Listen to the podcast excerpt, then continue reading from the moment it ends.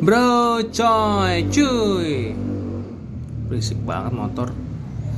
Bro, coy, cuy, woi, hui, nyeng, dan masih banyak lagi. Oke, itulah beberapa jenis panggilan yang akan saya bahas di 30 hari bersuara di Tong Story. Sebenarnya saya nggak akan bahas kenapa bisa ada panggilan bro, coy, cuy, woi, dan sebagainya. Cuman mau ngulik aja nih ya. Sebenarnya penting gak sih nama panggilan itu? Coba ya, kita mulai beda nih.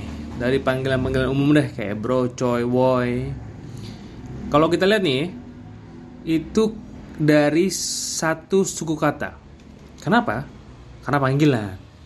Karena kalau misalnya lebih dari dua, ya saya bilang nama asli, ya nggak sih? Jarang panggilan dua kata, jarang, jarang, jarang. Nah, kalau dilihat lagi, nama panggilan itu ngambil bagian yang mudah diingat dan diucapkan. Dan itu menurut gue yang uh, part kerennya, mudah diingat dan diucapkan. Jadi efeknya ketika kamu punya nama panggilan, otomatis kamu tuh gampang diingat. Dan kamu tahu bahwa penting sekali jika kita mudah diingat orang. Banyak benefitnya. Dan nama panggilan itu udah kayak identity, identitas, ya gak sih?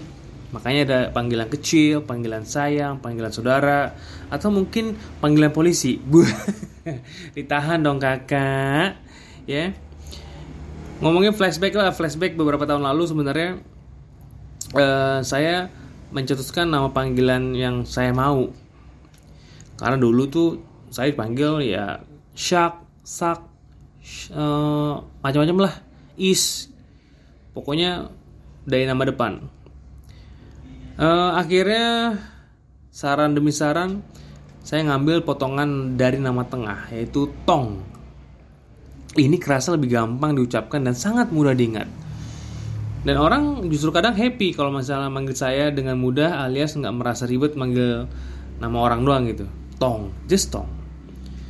Jadi jika mungkin kamu sendiri mulai merasa nama panggilan kamu tuh kurang bahkan nggak ada gitu ya bolehlah dikulik-kulik nama, nama uh, kamu ya kulik-kulik bagaimana yang yang menurut kamu ini catchy kayak ini ya. Atau bisa jadi kita hanya berserah saja ya. Biar universe yang menjawabnya melalui lika-liku pergaulan yang kamu lewati